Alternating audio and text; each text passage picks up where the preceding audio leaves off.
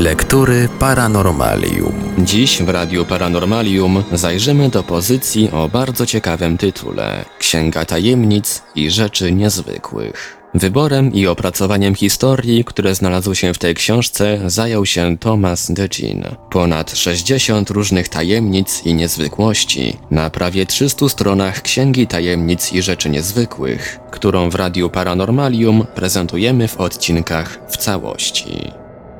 Zbuntowany geniusz.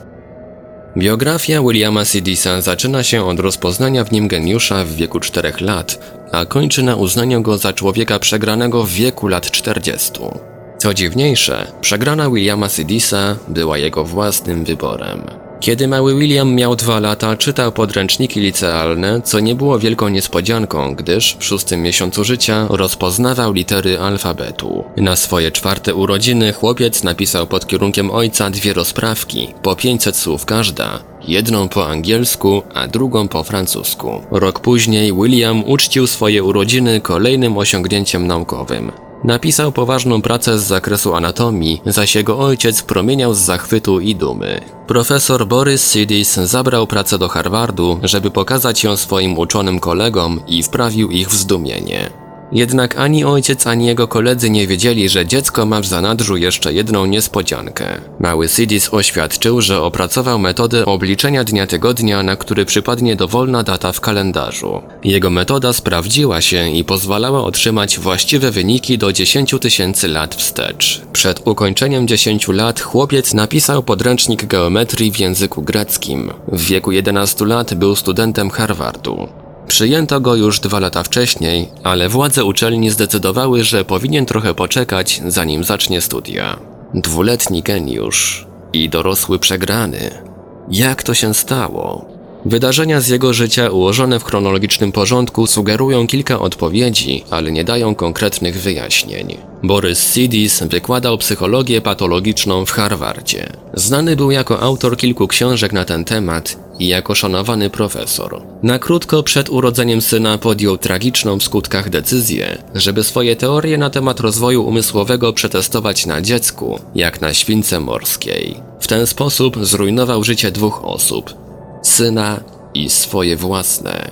Jednym z założeń ojca było, że mózg należy ćwiczyć tak jak mięśnie, zaczynając wcześniej i stopniowo zwiększając trudność i intensywność ćwiczeń. Kiedy William przyszedł na świat, jego przyszłość dosłownie rozstrzygnęła się w kolebce. Srogi ojciec powiesił litery na sznurkach nad kołyską i kilka razy dziennie wskazywał je, wykrzykując ich nazwy. Ciągnęło się to godzina po godzinie, dzień po dniu. Nic dziwnego, że po sześciu miesiącach William umiał rozróżniać litery. Cóż było dalej?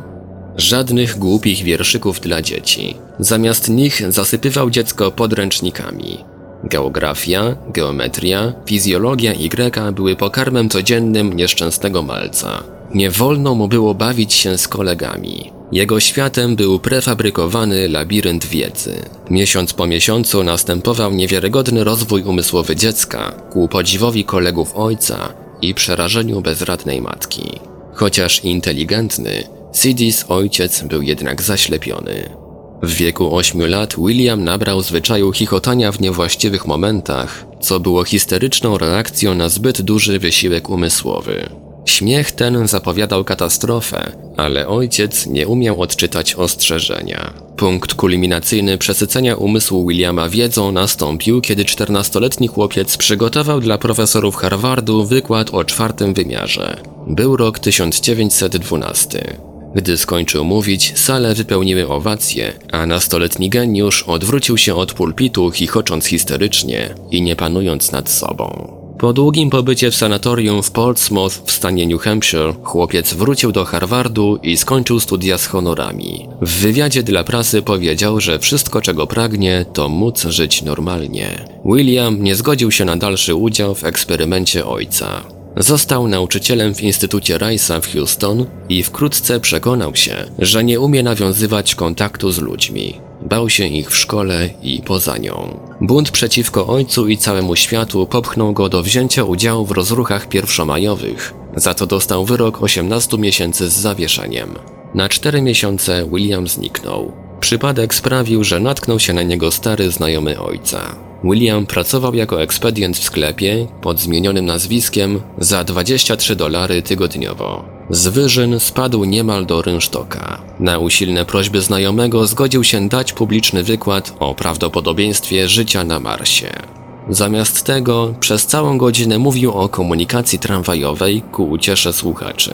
Latem 1944 roku pojawił się w prasie nekrolog, który nie wzbudził niczyjego zainteresowania. Wyniszczony człowiek zmarł w przytułku w Brooklynie na zapalenie płuc. Spadek po ojcu pozostał nietknięty.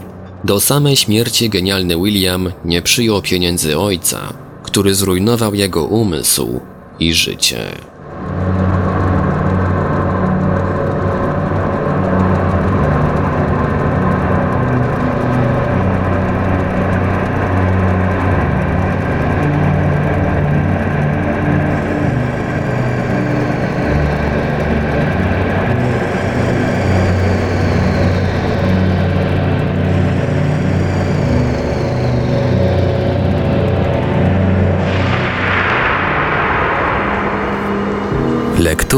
Paranormalium. Genialny idiota. Chłopak od pługa, ignorowany, oczerniany i wyśmiewany przez tych, którzy go znali, wzbudzał salwy śmiechu, gdy mówił, że król potrzebuje jego mądrości. Ale była to prawda. I historia zna niewiele dziwniejszych opowieści niż ta. O idiocie geniuszu, Robercie Nixonie. Jego rodzice byli pożałowania godnymi rolnikami, pracującymi od świtu do nocy, aby zapewnić sobie minimum egzystencji. Robert był ich jedynym dzieckiem. W Bridge House w Cheshire powszechnie uważano go za bardziej niż lekko stukniętego. Jego rodzice podzielali tę opinię, ponieważ już po pięciu dniach nauki w szkole zaniechali kształcenia syna i wysłali go z powrotem do pługa. Tam właśnie znajdował się owego fatalnego dnia 1485 roku, kiedy towarzyły się losy Brytanii w bitwie pod Bosworth Field. Dziesiątki kilometrów od pola, na którym głupawy Robert Nixon z trudem nadążał za starym koniem, orząc ziemię nieudacznym drewnianym pługiem, wojska króla Ryszarda zwarły się w walce na śmierć i życie z armią hrabiego Richmonda. Nagle Nixon zatrzymał się w połowie bruzdy. Przez chwilę stał ze spuszczoną głową, jakby nasłuchiwał. Potem zaczął skakać na jednej nodze wokół zaoranej ziemi, wymachując rękami, potykając się, wskazując coś i wrzeszcząc.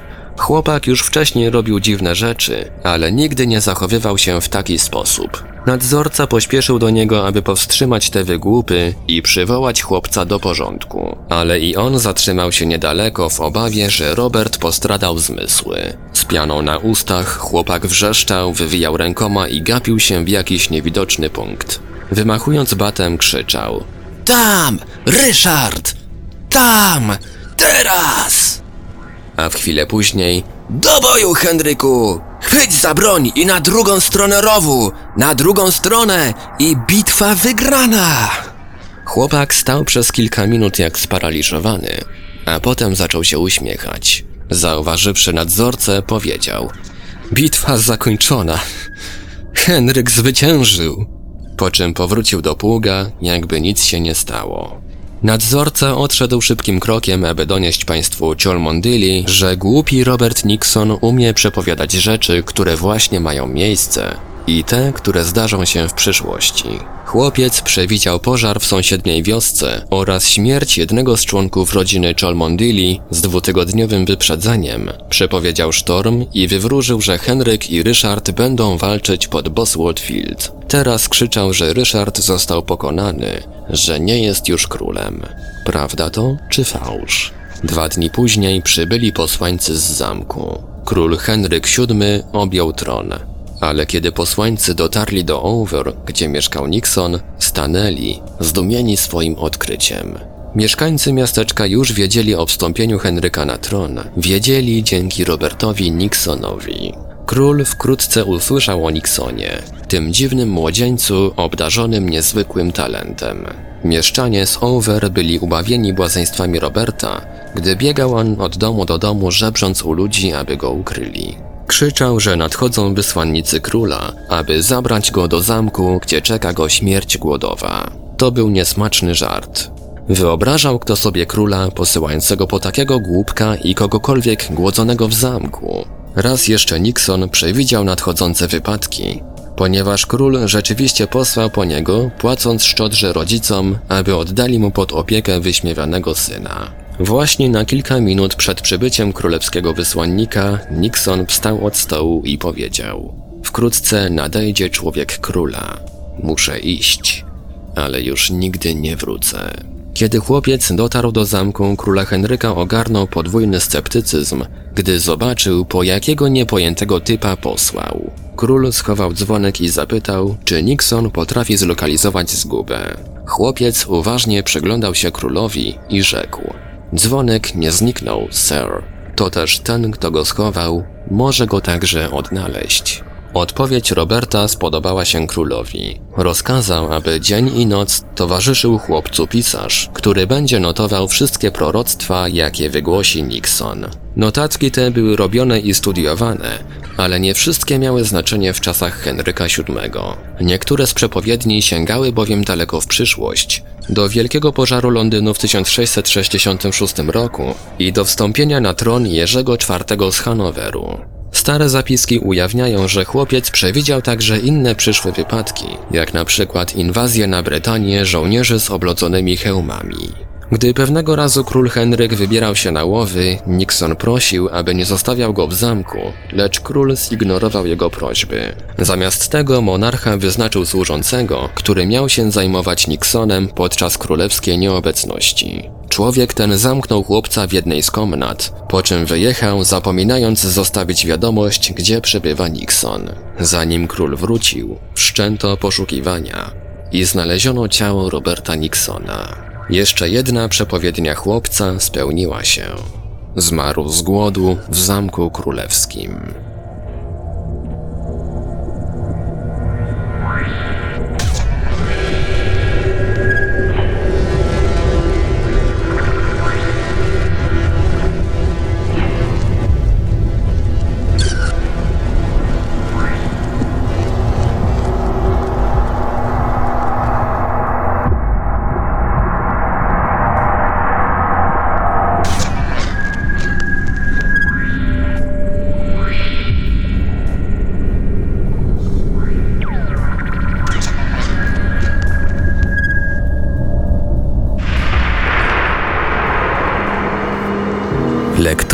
Paranormalium. Mistyk milioner. Zgromadził fortunę, wybudował tysiące kilometrów torów kolejowych i założył 40 miast, lecz nigdy nie uczynił jednego kroku bez zasięgnięcia rady tych, których zwał niewidzialnymi przyjaciółmi. Jak wiele innych par, Arthur Stilwell i jego żona zaczynali swoje małżeńskie życie nie posiadając nic oprócz siebie. Jego rodzice byli biednymi, choć oszczędnymi wieśniakami z Indiany i sami ledwo wiązali koniec z końcem. Arthur Stilwell był zbyt dumny, aby pozwolić rodzicom żony dzielić się z nim ich skromnymi dochodami. Uniezależnił się więc, a jego pierwsza praca polegała na prowadzeniu wozu do przewożenia towarów. W kilka tygodni później awansował na urzędnika i na tym poprzestał. Skończył tylko szkołę średnią, nie miał pieniędzy, nic więc nie wskazywało na to, że stanie się milionerem. Lecz noc po nocy nawiedzały go głosy. Czasami przychodziły w trakcie snu, czasami wtedy, gdy próbował czytać przy lampie stołowej. Nie było to jednakże dla niego przeżycie nowe i nie wywoływało już przerażenia. Arthur Stilwell słyszał te słabe głosy od 15 roku życia. Zanotował w swoim dzienniku, że głos powiedział mu, że spotka i poślubi dziewczynę nazywającą się Genevieve Wood w przeciągu czterech lat. W tym czasie nie znał nawet nikogo o tym imieniu, lecz przepowiednia głosów okazała się prawdziwa. Od tej pory Arthur Stilwell nigdy nie zwątpił w mądrość głosów. Jednak nigdy też nie rozmawiał o nich z nikim za wyjątkiem swojej żony, ze strachu, że ludzie uznają go za obłąkanego. Raz po raz, kiedy niespokojnie siedział przy swoim urzędniczym biurku, głos ponaglał go, aby pojechał na zachód i zaczął budować kolej żelazną, której stalowe macki rozprzestrzeniały się w każdym kierunku. W końcu Arthur i Jenny Stilwell podjęli decyzję. Arthur porzucił swoją posadę, spakowali swój skromny dobytek na pożyczony wóz i wyruszyli do Kansas City. Znalazł pracę w składzie wolnocłowym i firmie maklerskiej. Jednakże coraz bardziej uginał się pod presją głosów, które, jak mówił, ponaglały go do budowy kolei. Choć może wydawać się to niewiarygodne, ten urzędnik zarabiający 40 dolarów na tydzień rzeczywiście wybudował kolej. Bankierzy znali go i ufali mu, więc łatwo było zdobyć pieniądze. Stilwell po cichu kupił ziemię, zebrał fundusze i nim zaskoczeni finansiści z Nowego Jorku zdali sobie sprawę z tego, co się dzieje, jego kolej obwodowa Kansas City już w pełni działała, tuż pod ich nosami. W szczególnej karierze tego zadziwiającego człowieka nie było bardziej niezwykłego przypadku niż ten, który zdarzył się w czasie planowania trasy nowej linii kolejowej łączącej pola pszenicy w stanie Kansas z Zatoką Meksykańską.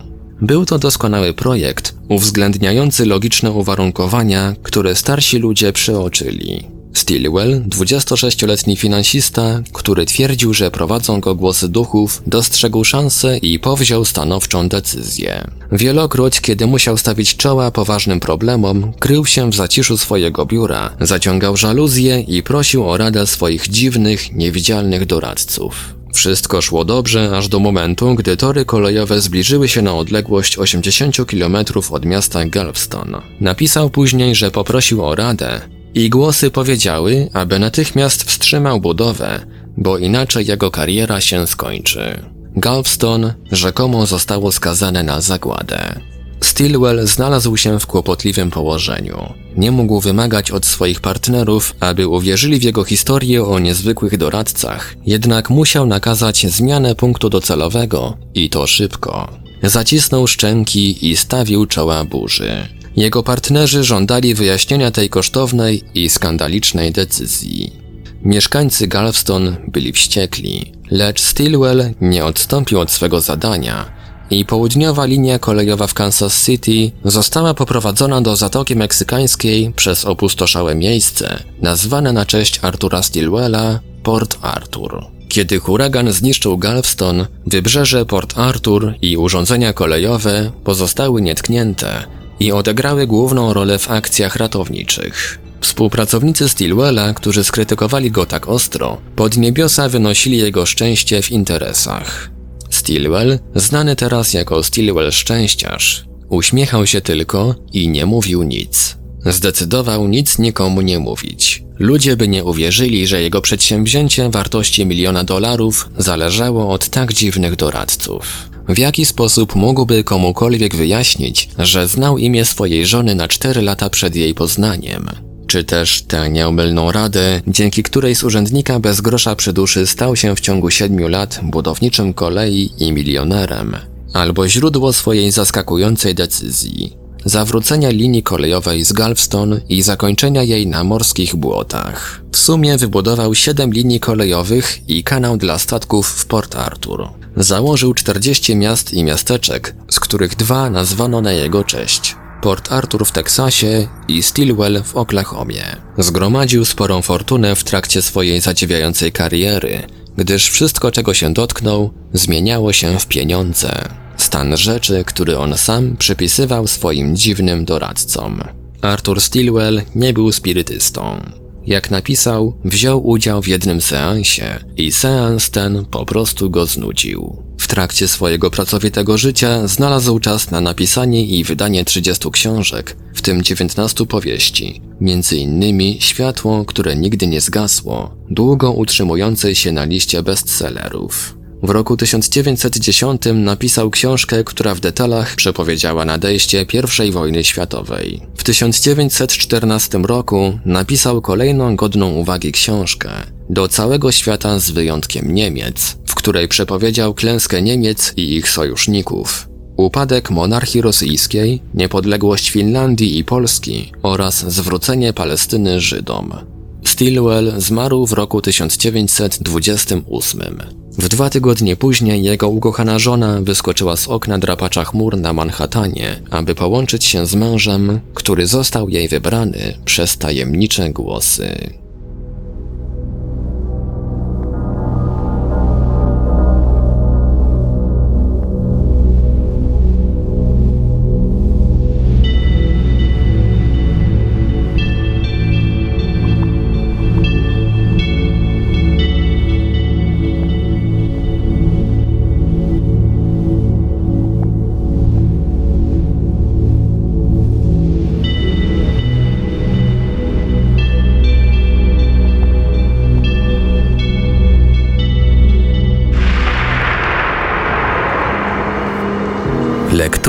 Paranormalium.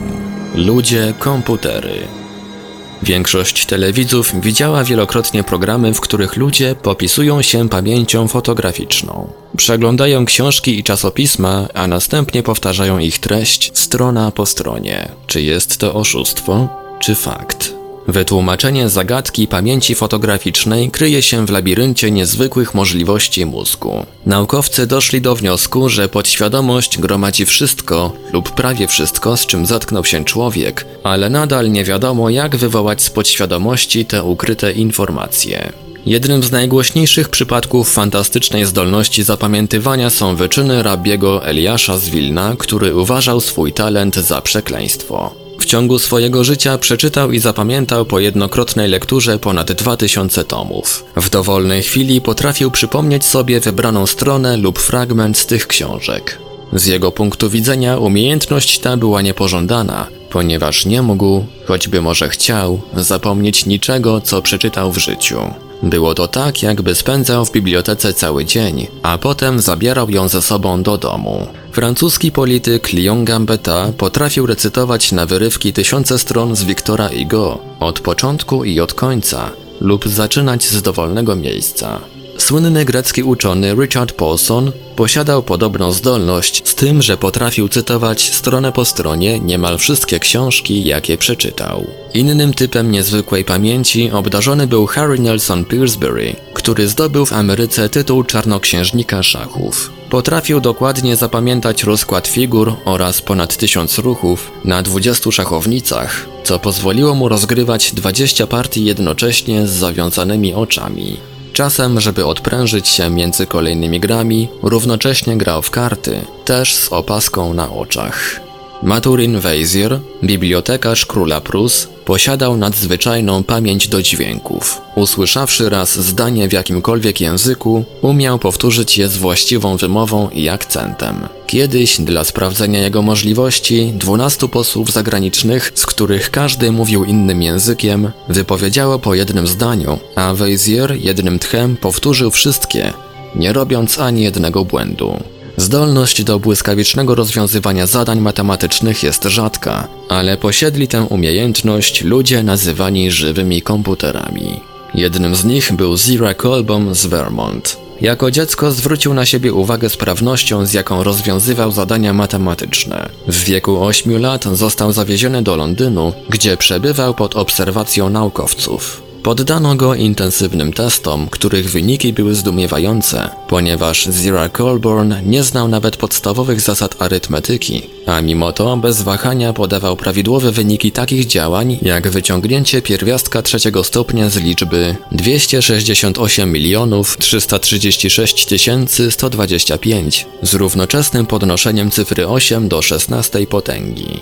W czasie eksperymentów chłopiec został zapytany przez księcia Gloucester, w jaki sposób pomnożył 27 735 przez 543, na co odpowiedział, że po prostu pomnożył 65 205 przez 181. Chociaż dawał właściwe odpowiedzi, nie był w stanie wyjaśnić, jak to robi. Innym genialnym matematykiem był stary niewolnik amerykański o imieniu Tom. Urodził się w Afryce, gdzie został schwytany przez handlarzy niewolników i sprzedany w niewolę w stanie Virginia. Do chwili ukończenia 71 lat praktycznie nie było powodu, aby traktować go inaczej, jak tylko zwykłego niewolnika. Pewnego gorącego popołudnia, w sierpniu 1779 roku, Tom stał w rogu ogrodzenia plantacji swego pana, czekając aż nadzorca przydzieli mu następną robotę do wykonania. Był jednym z niewielkiej grupy siedmiu obdartych niewolników, którzy stali cierpliwie, podczas gdy nadzorca i właściciel plantacji próbowali rozwiązać rachunek arytmetyczny.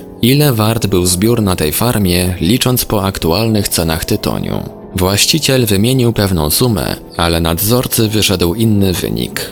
Obydwaj byli ludźmi upartymi i obydwaj byli słabi w prostych działaniach arytmetycznych. Liczyli i kłócili się.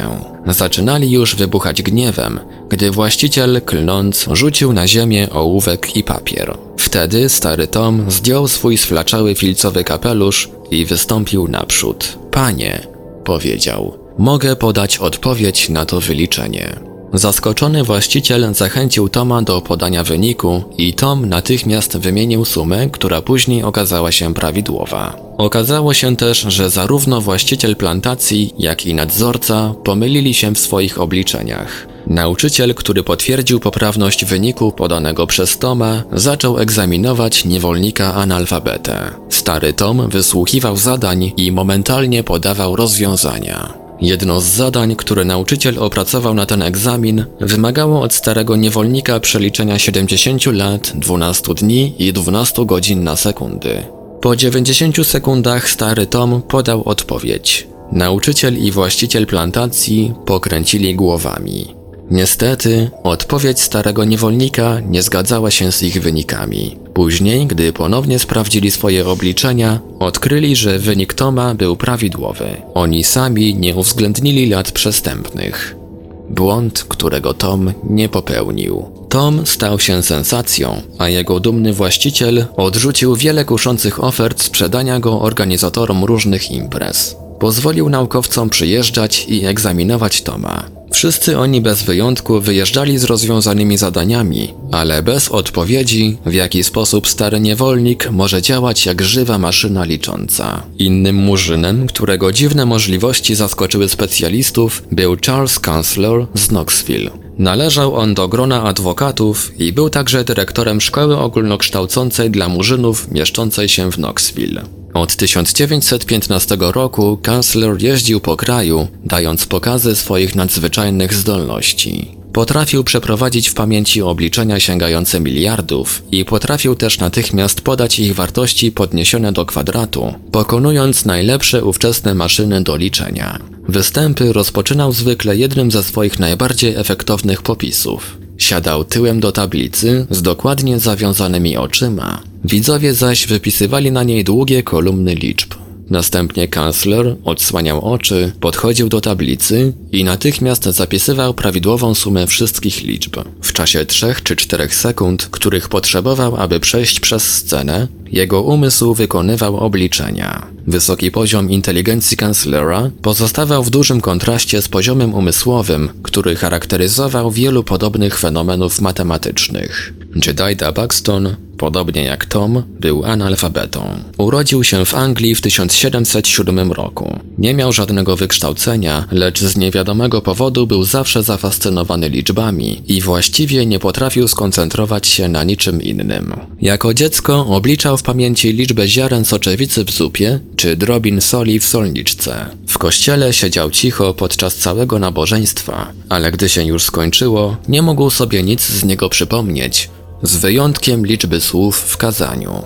Kiedy szedł przez pole, potrafił powiedzieć, ile ma ono cali kwadratowych. Obliczył kiedyś dla zabawy, ile byłoby warte ćwierć pensa pomnożone 139 razy. W funtach szterlingach wynik odpowiada 19-cyfrowej liczbie. Poproszono Buxtona, aby pomnożył tę fantastyczną sumę przez samą siebie. Niezadługo przedstawił on prawidłową odpowiedź, wyjaśniając, że pracował nad nią z przerwami. Osobliwością osiągnięć Buxtona było to, że gdy już zabrał się do skomplikowanego zadania, mógł o nim nie myśleć i zajmować się swoimi codziennymi czynnościami. To tak, jakby jego mózg był oddzielną maszyną, która gdy już rozpocznie pracę, dalej samodzielnie przeprowadza skomplikowane działania.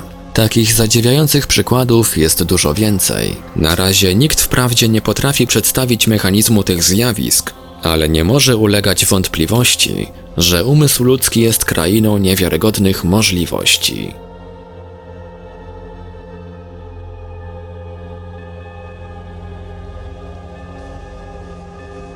Był to fragment książki Thomasa Degina Księga Tajemnic i Rzeczy Niezwykłych. Dalszy ciąg w kolejnym odcinku Lektur Paranormalium. Lektury Paranormalium.